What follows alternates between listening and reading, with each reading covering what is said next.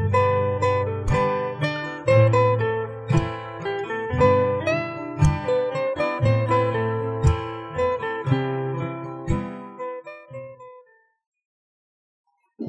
טוב, אנחנו נדבר היום אה, על ענייני 17 בתמוז, כהמשך לדברי הרב שלה, בלי להתייחס לצד הפוליטי כמובן,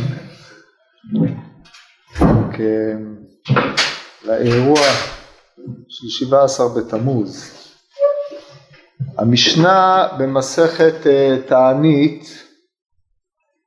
אומרת חמישה דברים הראו את אבותינו ב-17 בתמוז וחמישה ותשעה באב נשתברו הלוחות ובטל התמיד והובקעה העיר ושרף אפוסטומוס את התורה והעמיד צלם בהיכל. עכשיו הבבלי לא פירט יותר מדי בעניין הזה אבל בירושלמי בא דיון רב או לא רב אבל בא דיון יותר מפותח בפרטים שעל יסודם נקבעה התענית ב-17 בתמוז אז לגבי נשתברו הלוחות יש אריכות דברים אבל אנחנו נדלג על העניין הזה. רק פה צריך להעיר הערה יסודית אחת. כמו שאמר הרב שאלת הקשר בין חמישה עשר, חמישה דברים בשבעה עשר בתמוז לבין החמישה דברים של תשעה באב זה הוא התנסח בגורם ותוצאה, בדרך כלל מיוחס אה, במהר"ל על כל פנים וככה גם מפרשים אחרים טוענים שזה תחילה וסוף. ויש אה, איזשהו יחס בין הדברים אם כי שרף אפוסטמוס את התורה היה אחרי אה, חורבן הבית, פוסטומיוס היה פרקטור, פרוקטור בזמנו של אה, אמ, קיטוס, או כפי שהוא נקרא בבבלי ובירושלמי, בפולמוס של קיטוס בסוף מסכת אה, סוטה, שהיה אמ, אחרי חורבן הבית, וגם אה, שריפת, שריפת התורה הזאת הייתה אחרי חורבן הבית, זאת אומרת המאורעות הללו הם אינם מאורעות שמובילים לחורבן הבית בלבד, אלא הם מאורעות שיש להם גם אפיון של אה, טיבו של היום או אה, עניינים שקשורים במהות היום עד כדי כך שרצו לקבוע את, חמישה, את 17 אה, בתמוז כיום צום כמו תשעה באב כי כמו שאתם יודעים 17 בתמוז הוא לא יום תענית ציבור יש רק תענית ציבור אחד אין תענית ציבור בבבל אלא תשעה באב בלבד. והשאר התעניות שאנחנו נוהגים בהם הן תעניות שהן יותר בבחינת אה, בימי שלום לא מתענים ובימי, אה, שלא בימי שלום כן מתענים או בזמן הזה ודאי אנחנו מתענים אבל אה, התעניות הללו הן אינן, תעניות שקיבלו עליהן או הן מקובלות כמו תענית ציבור של תשעה באב שהוא תענית חמורה והגמרא אומרת שלא קיבלו את שבעה עשר בתמוז, הגמרא שואלת הואיל ויש להם את החמישה דברים הללו זה עילה מספקת כדי לקבוע תענית אף על פי כן עם ישראל לא קיבל על עצמו את זה אלא רק את עניינם של, את עניינו של תשעה באב בלבד. בעצם אמינא אנחנו רואים שיש פה דברים חמורים מאוד וצריכים למצוא את נקודת הקשר בין הדברים על פניו הם דברים אה, שהם אה, אקראיים יחסית, הקשר בין השתברו הלוחות לבין בוטל התמיד ושרף אפוסטומוס את התורה לכאורה לא נראה במבט ראשון. אז אנחנו נראה את הפרטים כפי שעולה מהסוגיה בירושלמי תענית, אה, תלוי במהדורות, בדרך כלל זה לפרק אה, ד' הלכה ו' ונעבור על אה, כמה וכמה דברים או מה שיש לדון בהם. נתחיל בביטול התמיד. אומרת הגמורה רב סימון בשם רב שועה בן לוי בימי מלכות יוון היו משלשלים להם שתי קופות של זהב והיו מעלים שני כבשים פעם אחת שלשלו להם שתי קופות זהב והעלו להם שני גדיים באותה שעה העיר הקדוש ברוך הוא את עיניהם ומצאו שני טלאים בלשכת הטלאים על אותה שעה העיד רבי יהודה בן אבא שזה רבי יהודה בן בבא המפורסם על תלמיד של שחר שקרב בארבע שעות כן ההגדה הזאת, הרקע שלה הוא אחד הטרגדיות היותר גדולות בעם ישראל.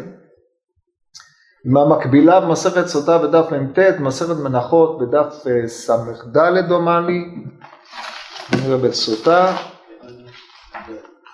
טוב, אז זה, זה באותה גמרא פחות או יותר. מסכת סוטה אומרת הגמרא כדברים האלה. לא בכדי הביאו את זה פה, כמו שתכף נראה.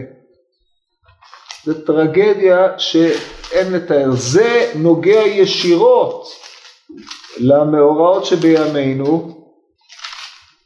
אני כמובן לא אדון על ההשוואה בין הדברים, אני משאיר את זה להבנת כל אחד ואחד.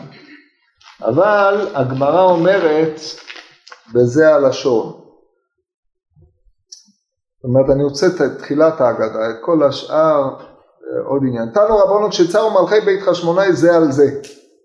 היה הוקנוס מבחוץ ואריסטובוס מבפנים. בכל יום היו משלשלים דניהם בקופה ומעלים להם תמידים. היה שם זקן אחד שהיה מכה בחוכמה טבענית. לעז להם בחוכמה טבענית אמר להם כל זמן שעוסקים בעבודה הם נמסרים בידכם. למחר שלשלו להם דינרים בקופה והעלו להם חזיר. כיוון שהגיע לחצי חצי חומה נץ ציפורניו נזדעזעה ארץ ישראל ארבע מאות פרסה אותה שעה אמרו עבור אדם שיגדל חזירים ועבור אדם שילמד בנו חוכמת יוונית. על אותה שעה שנינו מייסה, בגלל זה זה בא במסכת אה, מנחות. מעשה הוא בא, זה המשנה שם, מעשה הוא בא אומר מגגות צריפין ושתי הלחם, או גנות צריפין, שתי הלחם מבקעת אין סוכר או סוחר. על כל פנים, ומה מתחיל המעשה? מעשה שצרו שני, בני חשמונאי זה על זה. שלומציון המלכה שבאיזשהו מקום הביאה לאיזשהו שלווה ושלום אחרי מות ינאי המלך, הייתה אשתו, אחותו של אה, שמעון בן שטח, כאשר היא נפטרה היו לה שני בנים, אחד קראו לו יהודה הורקנוס ולשני אריסטובלוס.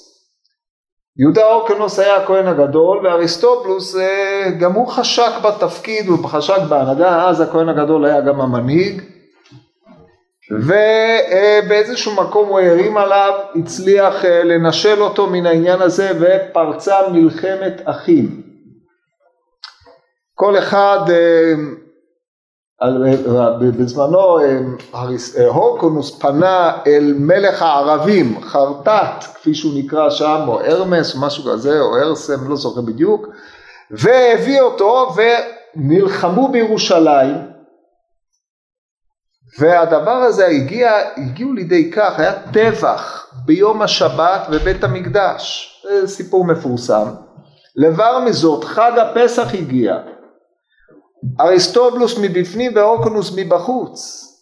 הם צרים עליו, אז הם פונים אליהם, אלה שנצורים אל הצרים, אומרים מה עם קורבן הפסח? אין לנו כבשים. עכשיו זה אינטרס משותף שלנו שלכם, ואז התחיל אה, תהליך העלאת הכבשים אה, עכשיו שוב, בבבלי זה מתואר שהייתה איזושהי התאמה, מי שקורא את פלביוס רואה שהם הורידו להם כסף בשביל לקבל את הכבשים והם לא העלו להם כלום. היהודים מבחוץ בעצם בגדו ביהודים מבפנים, או במובן הזה בגדו בפול, בעבודת המקדש בכללותה. טרגדיה שאי אפשר לתאר. איך הוכרע העניין? שניהם שלחו שליחים לפומפיוס או לנציבו של פומפיוס שהיה בסוריה ומי שנתן יותר שוחד היה אריסטובלוס, אז פומפיוס שלח את אה, שליחיו, סילקו את המצור מעל ירושלים, אבל הדבר הזה הביא לאובדן חירות ישראל. מי שהתפיסה של פומפיוס הביאה לשלטון רומי בארץ ישראל, ובזה מסתיים העניין. כן, מי שלומד בגמרא במסכת עבודה עשרה בדף ח' יכול לראות את השלום שהיה בין, החשמון, בין אה, יהודה המכבי לבין אה, הרומאים, כן, גם אפשר לקרוא את זה בספר אה, מכבים א', על הברית שנכרתה, ברית כביכול בין שווים, ברית הגנתית וכו', אבל פה היה שיעבוד, בזה זה, כאן דרכה רומי הכניסה את מלטעותיה, את ציפורניו נעץ החזיר, רומי עם החזיר כידוע, פה בנקודה הזאת ומשם ואילך התגלגל השעבוד וכל זה תולדת מלחמת אחים בשאלת כבוד מי הכהן הגדול. מי הכהן הגדול? מהי הדמות אשר תלבש ירושלים החשמונאית אחרי מות שלום ציון. זה אחד הטרגדיות הנוראיות.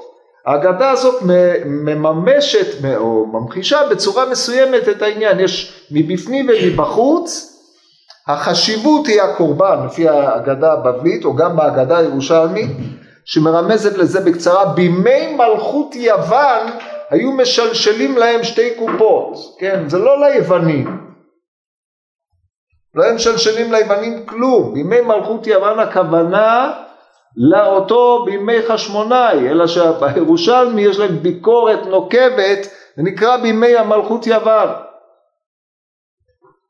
היו מעלים להם שני כבשים, אז פעם אחת שלשלו להם שתי קופות זהב והעלו שני גדיים. הגדי זה סימן של אה, היוונים. מניין לנו זה? ספר דניאל, כן, הצפיר mm-hmm. עזים הוא ה... אמ, היווני, הדמות השלישית יוון, ואי אפשר, הרי אתה לא יכול להקריב את הגדי בתור אה, קורבן תמיד, קורבן תמיד צריך לבוא מן הכבש, הגדי הוא בא בתור, אה, השעיר בא בתור חטאת, ולכן אה, על אותה שעה השם האיר את עיניהם והם מצאו את הטלאים הללו, עדיין עבודת המקדש נמשכת. עכשיו, מכאן ואילך אנחנו יכולים לגלגול הבא, שהוא הגלגול שנוגע לענייננו. פה הטרגדיה יותר גדולה. ואמר רבי לוי, אף בימי מלכות הרשעה הזאת, היו משלשלים להן שתי קופות של זהב והיו מעלים להם שני כבשים. בסוף שלשלו להם שתי קופות של זהב והעלו להם שני חזירים. לא הספיקו להגיע למחצית החומה עד שנעץ החזיר וקפץ מארץ ישראל ארבעים פרסה. באותה שעה גרמו העוונות ובטל התמיד וחרב הבית. ההגדה הזאת כפשוטה היא חידה. הם משלשלים לאלה שעומדים מחוץ לחומה, או לצרים עליהם, לרומאים, לצורך העניין, קופות של זהב כדי שהם יעלו להם כבשים, כדי שהם ימשיכו להקריב את קורבנות התמיד, כדי שבהקרבת קורבנות התמיד הללו ימשיך המקדש לעמוד ולהתמיד, ומתוך כך המצור ימשיך, והתהליך הזה ימשיך, ככה לא מתנהלים. מה האינטרס של שני הצדדים? הצד הנצור, אנחנו מבינים אותו, הם חייבים להמשיך את עבודת המקדש, גם על חשבון זה שהם ישלשלו קופות של זהב ולא היה חסר להם זהב, כמו שאנחנו יודעים מהאגדות החורבן, כספם בחוצות ישליכו, ו... אבל מה האינטרס של הרומאים לאפשר להם להקריב את הקורבנות? זה באמת פלא. הרי השאלה הזאת היא טענתו של אותו זקן שלעז להם בחוכמת יוונית כל זמן שהם עוסקים בעבודה הזאת, אתם נמסר, הם לא נמסרים בידכם. מה, מהו הרומאי לעשות דבר כזה? זאת אומרת, אנחנו לא דנים עכשיו בשאלה הריאלית, האם זה אירע כפי שזה כך, או שזה אירע באופנים אחרים. כאשר רבי לוי בא ואומר שאף בימי מלכות הרשעה הזאת עשו דבר כזה, אז הוא בא ללמד אותנו איזשהו עיקרון, היה איזשהו עניין של הסכם בין, ה... בין אה, עם ישראל לבין מלכות הרשעה. אנחנו יודעים שהיה קורבן שהיו מקריבים לכבוד הקיסר. כן, הרקע הריאלי, על כל פנים במה שמופיע בפלביוס, לסיפור הזה של קמצא או בר קמצא, ביטול הקורבן לכבוד הקיסר הוא אחד העילות המוגדרות למרד. ואם כן פה היה אינטרס של שני הצדדים. אם בימי מלכות הרשעה הזאת היו משלשלים להם שתי קופות של זהב והיו מעלים להם כבשים. זאת אומרת, אם נדון על זה בצורה קצת יותר מופשטת, התלות של עמידת המקדש היה בזה שהרומאים יספקו את צורכי המקדש. לרומאים היה אינטרס מפני שכביכול כל עוד במקדש אה, עובדים לכבוד הקיסר או לכבוד מי שזה לא יהיה אז אה, זה מספק את האינטרס הרומאי, יש מבחינתם אה, שקט בארץ ותלות של עם ישראל בהם. מבחינת עם ישראל זה, זה בסדר גמור מפני שאחרי ככלות הכל עבודת המקדש יכולה להמשיך. זה שזה נעשה בצורה ביזיונית שהיא תלוית גויים אחרי כפלות הכל, עבודת המקדש היא עיקר. וכך הדבר הזה התמיד עד נקודה מסוימת.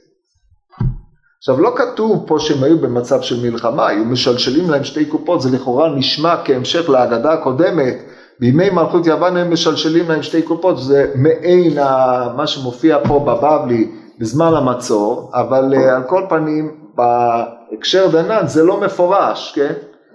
העובדה, השימוש במטבע היו משלשלים אומר שהייתה איזושהי תלות, אבל בסוף כאשר הרומאים צרו מי שצר זה הלגיון העשירי, הפרנטיס, ככה הוא נקרא, פרנטיס, משהו כזה, על אה, ירושלים, שהסמל שלו המפורסם הוא סמל החזיר, כן, לא בכדי המשילו את אה, הרומאים לחזיר, כן, כמו שעשו נמשל לחזיר, אז זה גם היה הסמל של היחידה הזאת, או הליגיון העשירי שהוקם, מתי שהוקם, לא זוכר כבר, אבל כל פנים הוא זה שצר על ירושלים, הוא זה שהשתלט עליה, וסימנו החזיר. הם מעלים שני חזירים, החזירים נועצים את ציפורניהם בחומה. ארץ ישראל מזדעזעת, גרמו עוונות בטל התמיד. הצורך שלהם להשליט חזיר, אנחנו יודעים שבימי יוונים הם דרשו להקריב חזיר על המזבח. החזיר הוא מהווה הניגוד לקורבנות שאנחנו מקריבים, זה, זה בעצם בחינת העשוויות, ההשלטה הזאת של עשיו, כל עוד היינו נתמכים על ידם כדי לעשות מה שאנחנו מקריבים, הכל היה טוב ויפה. אבל ברגע שנוצר המרד, אז החזיר נועץ את ציפורניו בחומה, דהיינו במחיצה שיש בינינו לבינם, ותובע את ביטול המחיצה מכל וכול. השתלטות טוטאלית של אמ, הרומאים על עם ישראל. ביטול אותו, הסרת המחיצה, ביטול אותו החומה, שבעצם זה ביטול היהדות בהקשר דנן, וביטול המיוחדות של עם ישראל. כאשר עם ישראל שואב את כוחו מקורבן התמיד, קורבן התמיד היא העבודה, ועל הקורבנות העולם עומד, העולם של עם ישראל עומד. על העבודה היא עומדת, כן, על הקורבנות, והקורבנות בכלל החוקים, ואמרו חז"ל שעליהם העולם עומד. ועל זה שם הרומאים שולחים את ידם. כן, וזה המשמעות של לא הספיק להגיע לחצי החומה, נעץ החזיר, קפץ מארץ ישראל ארבעים פרסה, פירושו של דבר שהיה זעזוע. הזעזוע הזה הוא הביטול של אותה מחיצה שעוד איכשהו נשמרה בדוחק בין עם ישראל לבין הרומאים, באותה שעה גרמו עוונות, הדבר הזה בעצם זה, זה ביטול החומה, כיבוש או הפריצה שלהם לתוך ירושלים, שזה בעצם מבחינתנו העיבוד, המעוז האחרון של העצמיות של עם ישראל שהיה ירושלים, ומשם ואילך החל השעבוד עד לידי אה, חורבן הבית. נמצא שמה שמעמיד או מה שעדיין החזיק את עם ישראל בייחודו היה קורבן התמיד. קורבן התמיד לא היה רק אה, צורכי, לצורך עם ישראל, הוא היה לעולם כולו. הוא החיבור בינינו לבין אבינו שבשמיים. זה קורבני לחמי לישי ריח ניחוחי תשמרו להקריב לי במועדו, לחמי זה לשון חיבור, לשון לחם, ככה מסביר הנציב. כן, זה החיבור בינינו לאבינו שבשמיים, העבודה היא נקודת החיבור. כי מגוי גדול אשר לא אלוהים קרובים אליו כאשר, אלוהים, אליו כאשר אלוהינו בכל קוראינו אליו, בכל קוראינו אליו, זאת הקריאה. התמיד, על זה כתוב מלאתי משפט צדק ילין בה, כן, לא היה אדם לן בירושלים עם עוונות, שמי שהיה לו עוונות בלילה קורבן התמיד של שחר מכפר עליו, עוונות היום קורבן תמיד של בין הארבעים מכפר עליו.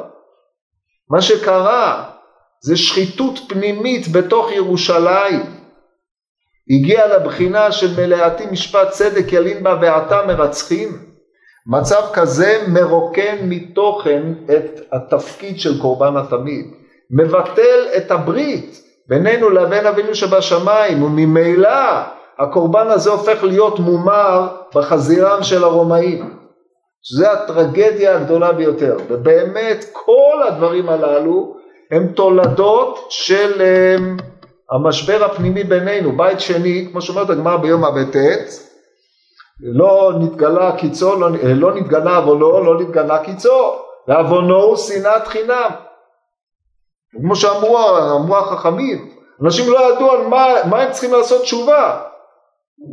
מי שהיו דור של צדיקים ופרושים וכיוצא בזה, אבל היו מריבות, מלחמות אחים, נוראיות.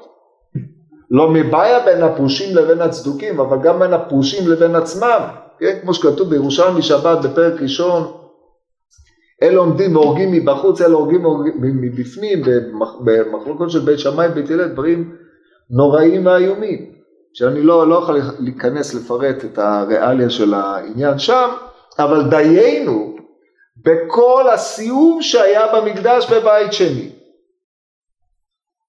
שברגע שיש ריקבון מבפנים, איך הקורבן יעבוד? התמיד צריך, מתבטל מאליו, מפני שאין פה את אותו עניין כוח המכפר של התמיד. עכשיו אם נחזור למה שאמרתי בהתחלה, רבי סימון בשם, בשם רבי שועה בן לוי בימי מלכות יוון היו משלשלים להם שתי קופות ובימי מלכות הרשע היו משלשלים להם שתי קופות הרי השורש שבימי מלכות יוון משלשלים שתי קופות הוא מתחיל בימי יוון במלחמה הגדולה שבין אריסטובלוס לבין יהודה אמ, האורקנוס. שם השורש, לכן הירושלמי מצרף את שני הדברים זה לזה. הרי אין לחשוב שהרומאים סיפקו קורבנות במובן של בזמן המצור, זה לא, אבל הם סיפקו קורבנות קודם לכן, היה, היה איזשהו עניין של תלות. אבל התלות הזאת באיזשהו מקום כאשר הריקבון הפנימי בעם ישראל הלך והתגבר, אז הקורבן הומר בחזיר. וגברו עוונות והחזיר ניצח. נתבקעה החומה באופן סופי, מפני שכאשר הפנים שלה הוא רקוב, אז החומה על מה היא, מאיזה חציצה היא מהווה, היא לא ראויה להתקיים. זה מה שהיה, זה עניין אה, בוטל התמיד. לגבי אובקי העיר, יש ויכוחים, יש אה, דיון ארוך בירושלמי, נדלג על כל זה, כי זה עניין של אה, מה התאריך שהובקעה העיר בראשונה, אם זה היה בט' או אם זה היה, מתי זה היה בדיוק.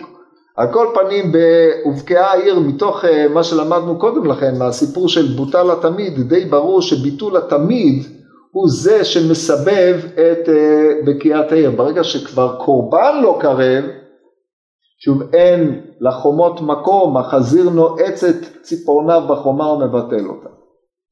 עכשיו אנחנו מגיעים לשרף הפוסטמוס את התורה. אומרת הגמורה היכן שרפה?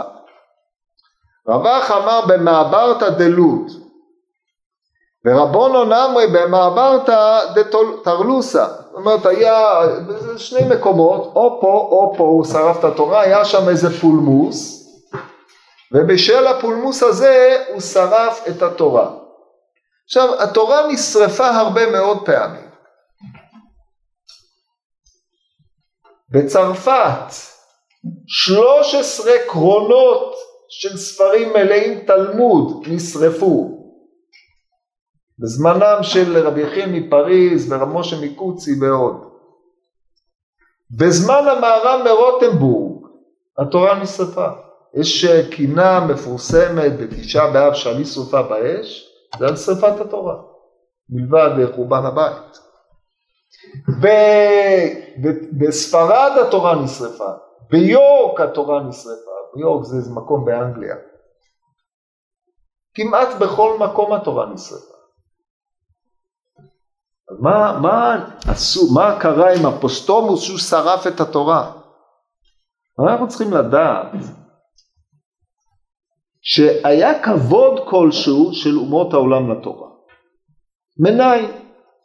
אומרת הגמרא במסכת בבא קמא בדף ל"ח, זה מופיע בספרי האזינו, שהרומאים שלחו שני אה, סרדיוטים ללמוד את תורת ישראל.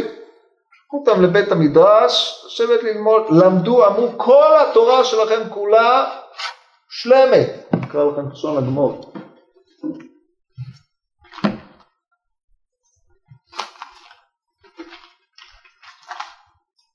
יש פה בצד אה, לסדר את זה עם הצנזור, היו צריכים להדפיס את הגאות הרי מילוניל פה ועוד, אבל טוב, נקרא את ה... מה היה? אומרת הגמרא, תנו רבונו כבר שלחה מלכות ורום משתי סרדיותות אצל חכמי ישראל, למדו לו תורתכם, קראו ושנו ושילשו, בשעת פטירתן אמרו דקדקנו בכל תורתכם הוא, חוץ מדבר זה, דבר אחד, היה להם קושייה. ושור של ישראל שנגח שור של נוכרי, פטור שור של נוכרי שנגח שור של ישראל, בין תם בין מאוד משלם נזק שלם, אמרו להם מה, מה האיפה והאיפה, זה הדבר היחיד שהייתה איתה בעיה, כן? כבר תורצו העניינים, תרצו את זה, שאם הם אומות מתוקנות אז דנים לפי דיניהם, בדיני שבע ושבע בן נוח, כמו שהרמב"ם מביא בהלכות מלאכים. אם הם אומות לא מתוקנות, כמו אלה שפותרים על נזקי בהמותיהם, אז כונסים אותם. יש פתרון גם לזה, כמו שהרמב"ם מביא בהלכות אה, נזקי ממון על הדבר הזה. אבל היה להם כבוד, היה להם כבוד לתורת ישראל. אנחנו יודעים את זה גם מעוד כמה וכמה מקורות, כמה וכמה ויכוחים שהיו בין חכמי ישראל לבין חכמי אומות, מה שנקרא בית ועד או באבידן ועוד אי, אילו מקומות שהיו להם ויכוחים, היה להם כבוד לחכמי ישראל. הם אמנם לא סבלו את המרידות, אבל לתורה היה כבוד. שריפת התורה על ידי אפוסטומוס זה ציון דרך. זה ביטול כבוד ישראל, כי התורה היא כבודם של ישראל. וברגע שמגיע מצב כזה שבפולמוס מגיע לא רק שמדכאים את העם אלא גם שורפים את התורה שלו, הדבר הזה הוא טרגדיה נוראית. כן, אנחנו שכבר עשו לנו את זה כל כך הרבה פעמים יוצאי חלציהם של אותם רומאים שאחרי שקיבלו את הנצרות התעללו בתורת ישראל בצורה בלתי רגילה זה כל תולדותיהם של שריפות התורה במסעי הצלב למיניהם, זה כולם הנוצרים. אבל פה זה, זה הפעם הראשונה המתועדת, הברורה, ששורפים את התורה. בשרפת התורה יש לנו עוד אה, דוגמה מפורסמת בגמרא במסכת עבודה זרה עם רבי, רבי חנינא בן תרדיון שכרכו אותו בספר התורה ושרפו אותו. אבל שם שרפו אותו מפני שגזרו לא ללמוד תורה. מפני שלימוד התורה היה אה, מביא לכל מיני מרדים וכולי. אבל לשרוף את התורה כעניין העומד לעצמו, לבטל את התורה מכל וכול, שזה משמעות שרפת התורה, זה לא שרפו איזה כרך אחד, זה כמו שניסו לבטל את התורה מעם ישראל מכל וכול, זה היה שרפת התורה. אז הגזרה הזאת היא, ה... היא השרפת אפוסטומוס את התורה וזה היה או בלוד או באיזשהו מקום אחר שכנראה היה שם מרכז יהודי, לוד אנחנו יודעים בוודאי זה הדרום ומשם אה, היו צריכים כנראה לעלות לצפון, ביטלו את אה, המאחז שלהם שם, השני אני לא יודע, אבל כל פנים זה כנראה ציון דרך משמעותי. הדבר הנוסף והאחרון העמיד צלם בהיכל, אז יש פה שתי גרסאות במשנה העמיד או הועמד, הירושלמי מתלבט בזה.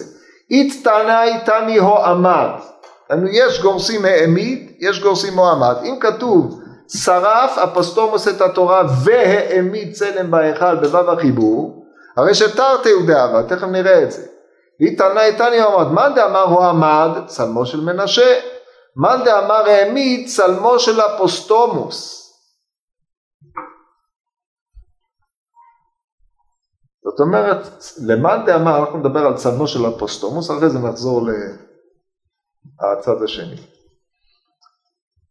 אין לא היה אחד בזמנו, כך שאי אפשר היה להעמיד צלם בהיכל שלא קיים. אז מה הסבורה להגיד העמיד צלם בהיכל בזמנו של אפוסטומוס? הרי אנחנו יודעים שהוא היה בזמנו של טריאנוס, ואז אה, הר הבית נשלט בצורה מלאה על ידי הרומאים, אסור ליהודים להתקרב להר הבית. לא היה כלום. כן, אם חרשו או לא חרשו את הר הבית, הכריזו או לא הכריזו, זה כבר אה, תלוי בתקופה, זה בזמנו של אנדריאנוס קיסר. אבל אה, ודאי שליהודים לא הייתה גישה להר הבית ולא היה שם כלום. מה פירוש הוא העמיד צלם בהיכל? אז אנחנו יודעים, אנחנו יודעים שקדושת ישראל, או קדושת, אה, קדושת המקום, עדיין קיימת גם אם החריבו אותה בתי כנסיות אף על פי שחרבו בקדושתן הם עומדים, שמה והשימותי את מקדשיכם, דורשת הגמרא אף על פי שהם שוממים בקדושתן הם עומדים, ככה גמרא במסכת מגילה. ואם כן, אם הוא מעמיד צלם בהיכל או בונה שם איזה מבנה אשר קראו לו בזמנו איליה קפיטולינה בשביל אה, האלה שלהם, זה צלם בהיכל, כי ההיכל קיים. אבל כאשר בהיכל הזה עומד צלם, במקום השכינה, שזה מקום, מקום החיבור בין הקדוש ברוך הוא לבינינו, קודש הקודשים, חדר המיטות הוא נקרא, המקום הזה מעמידים בו צלם, ועד היום הוא עומד, צלם אחר, אבל העמידו אותו אחרים, אבל הוא עומד. הדבר הזה זה ממש ביטול הקשר, זה כמו השלכת כסות בין לוי ללוויה, דהיינו ביטול הקשר בין הקדוש, או החיבור בין הקדוש ברוך הוא לישראל, שהוא המקום הזה. עכשיו לפי המהלך הזה בירושלמי, שריפת התורה והעמדת צלם מתלתליין זה בזה. זאת אומרת זה לא נגמר בביזיון התורה של עם ישראל אלא גם במקום הקודש של עם ישראל. משם ואילך כל ההתאוששות, דהיינו שיקום התורה, אנחנו משקמים אותה אבל ההיכל נשאר עם הצלם. אספר לכם על זה משהו. יש במגילת תענית עיון או יום שקבעו על אירוע כדלהלן. זה, זה מתואר באריכות בספר קדמוניות היהודים. היה קיסר רומי שקראו לו גאיוס קליגולה. זה היה בן אדם מטורף, מתועב ומטורף. זאת אומרת, הם כולם היו מתועבים שם, אבל היה לו תיעובים שאני לא אוכל לפרט. אה, מתועב במיוחד, חולה נפש, הוא מטורף, ו... כן, ועשה את עצמו אלוה. לא רק היהודים סבלו ממנו, כמו שאני תכף אתאר, גם אה, כל הסנאט הרומי סבל ממנו, אבל זה בהיסטוריה רומית, לא ניכנס לזה. עכשיו, לגופו של עניין, הוא ציווה להעמיד את הפסל שלו בלב בית המקדש.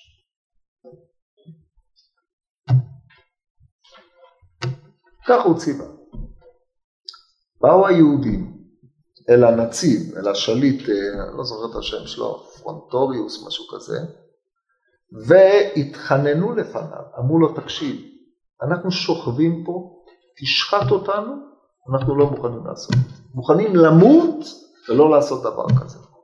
נשכבו, על, כתוב שם, אותו בפלביוס, אלפי אנשים אנחנו לא זזים, נמות ברעב, לא נזוז מפה, אבל אנחנו לא מוכנים לעשות את זה. תשחט אותנו תחילה. שלחו עוד משלוחות אל אותו נציב, פגש אותם בטבריה, הוא בא, ו... בקיצור, הם שידלו אותו.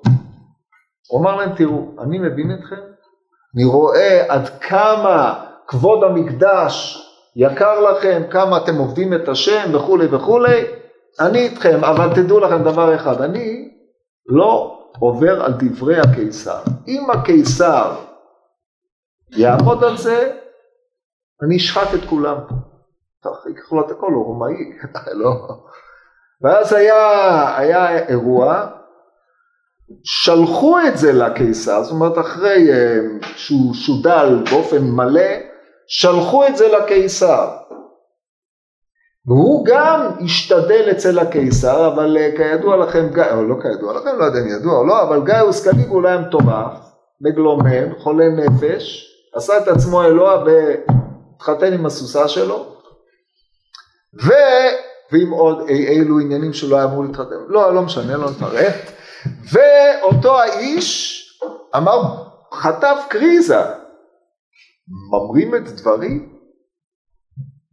עד שהפקודה הגיעה, נודע שהוא מת.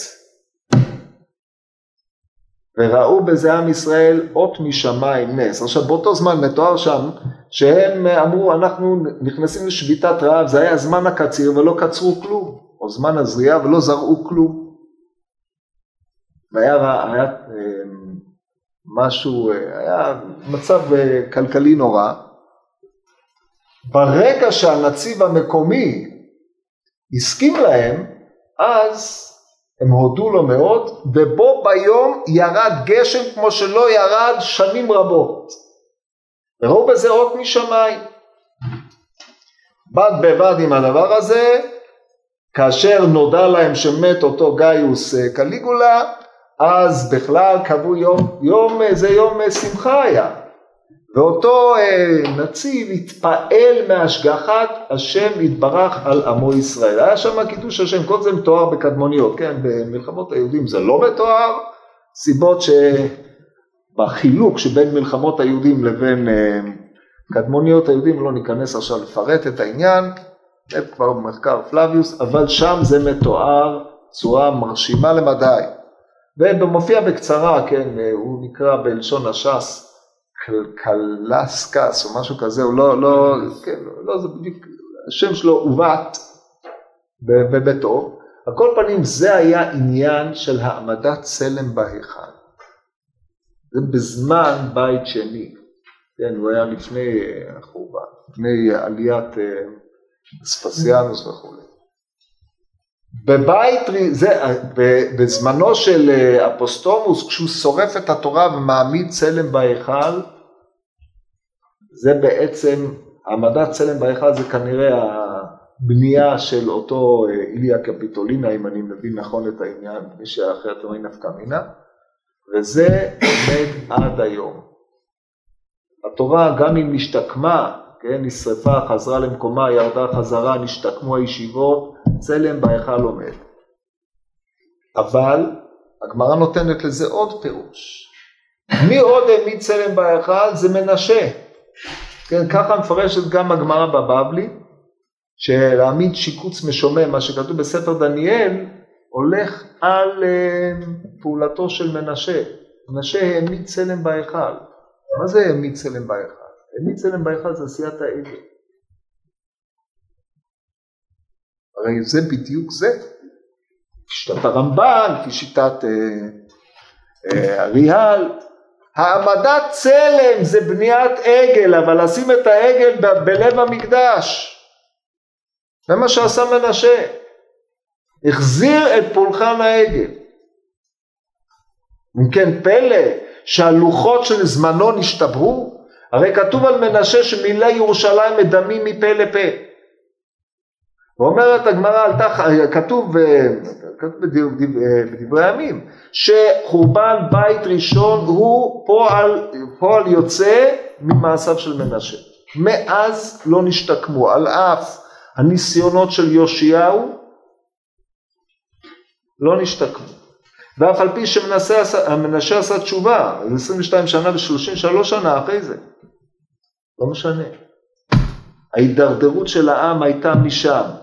אם כן חז"ל רואים את שורש ההשתלשלות בהעמדת צלם בהיכל, בהחלפת התוכן האמיתי בתוכן מזויף, הדבר הזה מקרין כלפי חוץ בעבודה זרה בירושלים, גילוי עריות ושפיכות דמים יוצאת מגדר רגיל בתוך ירושלים, הריקבון הוא מבפנים. ובעקבות הריקבון הזה ירושלים חרבה, אין לה שיקום. אז אם אנחנו חוזרים עכשיו לחפש את נקודות השיתוף בין הדברים הללו, שבירת הלוחות, הלוחות הם הברית שבינינו לבין הקדוש ברוך הוא, הם נקראו לוחות הברית. שבירת הלוחות זה שבירת הברית. עכשיו שימו לב לסבילות, נשתברו הלוחות, וכי הם נשתברו וישברם משה תחת ההר. וישלך הלוחות מידו וישברם תחת ההר. נשתברו, מפני שברגע שעם ישראל עושה עגל, אז הלוחות אין להם קיום. אז הברית נשברת.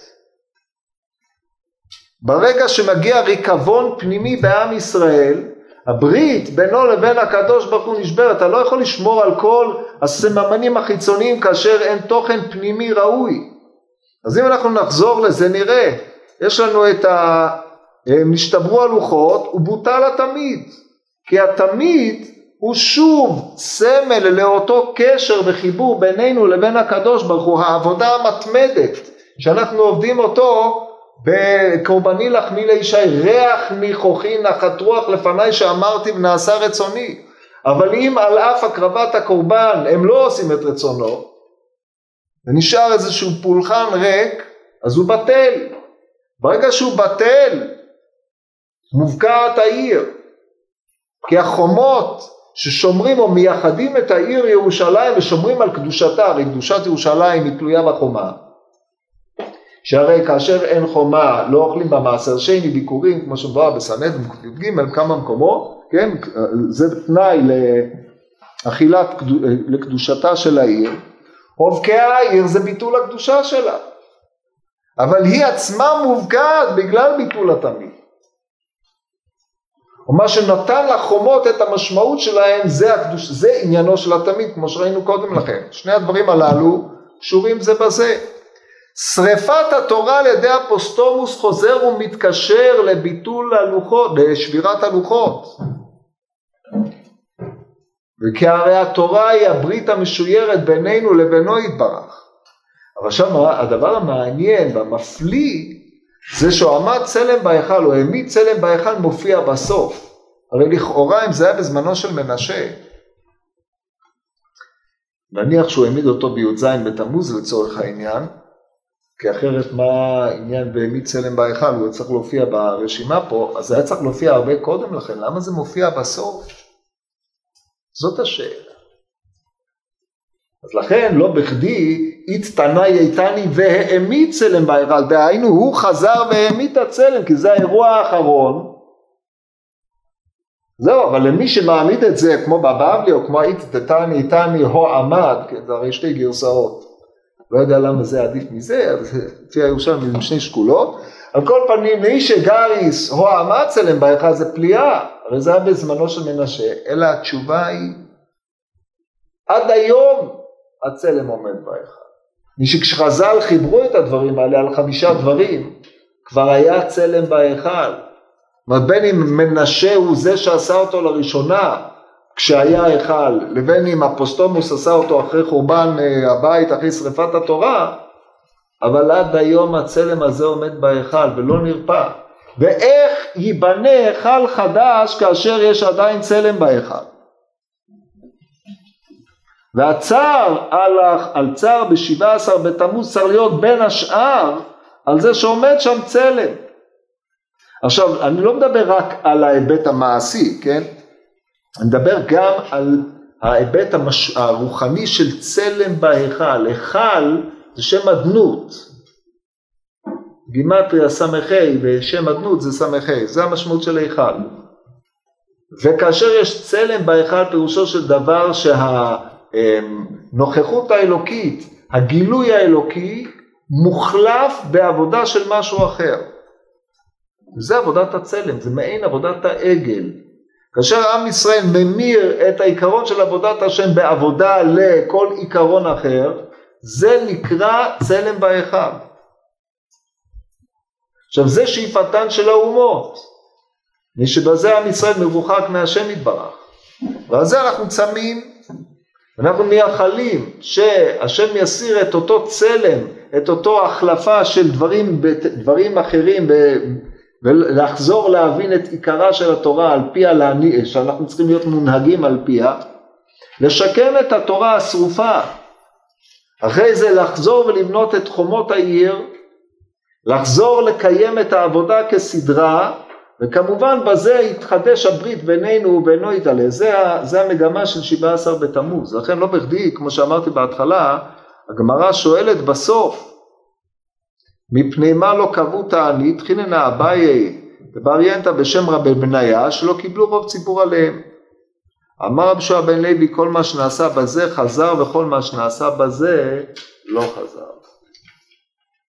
לכן, אה, זאת אומרת, היה 17 בתמוז היה איזשהו צד של שיקום, אבל בזה אנחנו רואים שיש דברים שהם לא, לא שוקמו עד הסוף.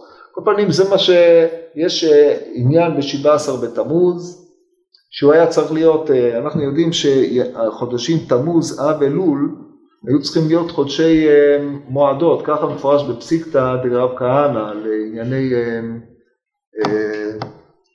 שמיני עצרת. למה יש שלושה רגלים בתשרי? זה הרי צפוף מאוד, היה צריך, יש לך רגלים, היה צריך כל הקיץ להיות רגלים. ככה כתוב בפסיקתא. ובאמת תשעה באב, אם כבר הזכרנו את ט"ו באב, או תשעה באב, עד ט"ו באב, נראה שדיברתי איתכם על זה פעם, תשעה באב עד ט"ו באב היה מקביל לפסח, יש לנו שם שבעה ימים. והם היו ימים של הקרבת קורבן, אנחנו יודעים שהקריבו קורבן העצים, חג קורבן העצים היה חג שנחוג, ועיקר עליית הרגל. להבאת הביקורים היה בין תשעה באב לבין אמ, ט"ו באב. ככה עולה מתוספתות, עולה ממקורות תנאים, במקורות האמוראים זה נמחק לחלוטין, אבל תשעה באב היה יום שמחה רבתי, אמצע הקיץ. וזה היה, זה היה הרגל המקבילה לחג הפסח באמצע הקיץ היה באב. ולכן, כשאנחנו אומרים, נהפך, הששון נהפך לאבן. קרא להם מועד, זה נקרא יום מועד. הוא עתיד להיות מועד כי הוא היה מועד בעבר, הוא היה מועד, הוא היה לב האירועים שהסוף שלהם היה ט"ו באב. לא ט"ו באב עומד לעצמו, לא, מה פתאום.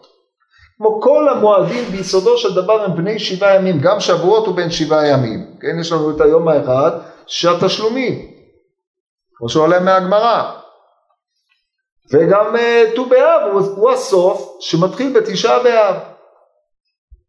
יום ביקורים, יום קורבן עצים, יום אה, מיוחד במינו היה.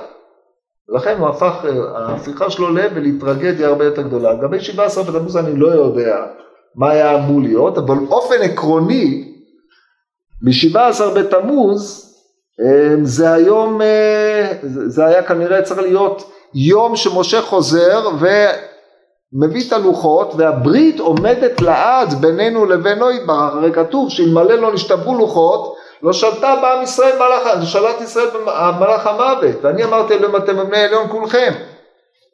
איך שנבין את זה, גם אם אה, נפרש את זה בפרשנות הרמב"מית, לא לא שלט מלאך המוות, דהיינו יצר הרע, לא היה רוקד בינינו בצורה כל כך רצינית, בצורה כל כך קיצונית כמו, שהוא, כמו שקורה בפועל, והיינו הרבה יותר מתוקנים, זה היה צריך לקרות בי"ז ותמוז. אז גם הששון הזה של יום ירידת משה מן ההר עם הלוחות הראשונות, שזה חירות אה, ממלאך המוות, חירות מיצר הרע וכו', וגם משתבר, אז זה גם כן אנחנו צריכים להתאבל, להתקן, זאת אומרת אנחנו תמיד כדרכנו, תמיד חוזרים ומחפשים את השורש של החטאים, והתיקון שאנחנו עושים עכשיו הוא מתקן לא רק את מה שאנחנו עושים, מתקן גם את שורשם של דברים, כדי שהברית תחזור ותתחדש במילואה. אז באופן כזה אפשר לראות את הקשר בין חמשת האירועים הללו, להבין את עניינו של 17 בתמוז, כמו עניינו של תשעה באב, שהם מיוסדים על שני המאורעות הגדולים במדבר, חטא העגל וחטא המרגלים, והם שני המאורעות שמקרימים לדורות, כן, כמו שכתוב בתהילים, בק"ו, כן, אמרת שבעקבות חטא המרגלים הקדוש ברוך הוא נשבע לפזר אותנו בעיר, להפיל אותנו בגויים, לפזר אותנו בארצות, להביך אותנו בארצות, חוזר גם בספר הושע וחוזר בעוד כמה דברים שכבר אז נקבע הדבר הזה, והוא הדין ביחזקאל בפרק כ', אז הוא הדין לגבי חטא העגל, ביום פוקדים פקדתי אין עוון שאין בו מפקידת העגל. חטא העגל הולך ומקרין, הוא נותן את אותותיו לדורות. והשורש של האותות הללו זה אותו יצר הרע שכיכב, שהביא לביטול הברית. והאירועים הללו הם סימפטומים של אותו אירוע ראשוני, ולכן על זה אנחנו אבלים ומייחלים שהצלם יסולק מן ההיכל, ההיכל יחזור וייבנה והקדוש ברוך הוא ישור שכינתו בינינו במהרה בימינו אמן.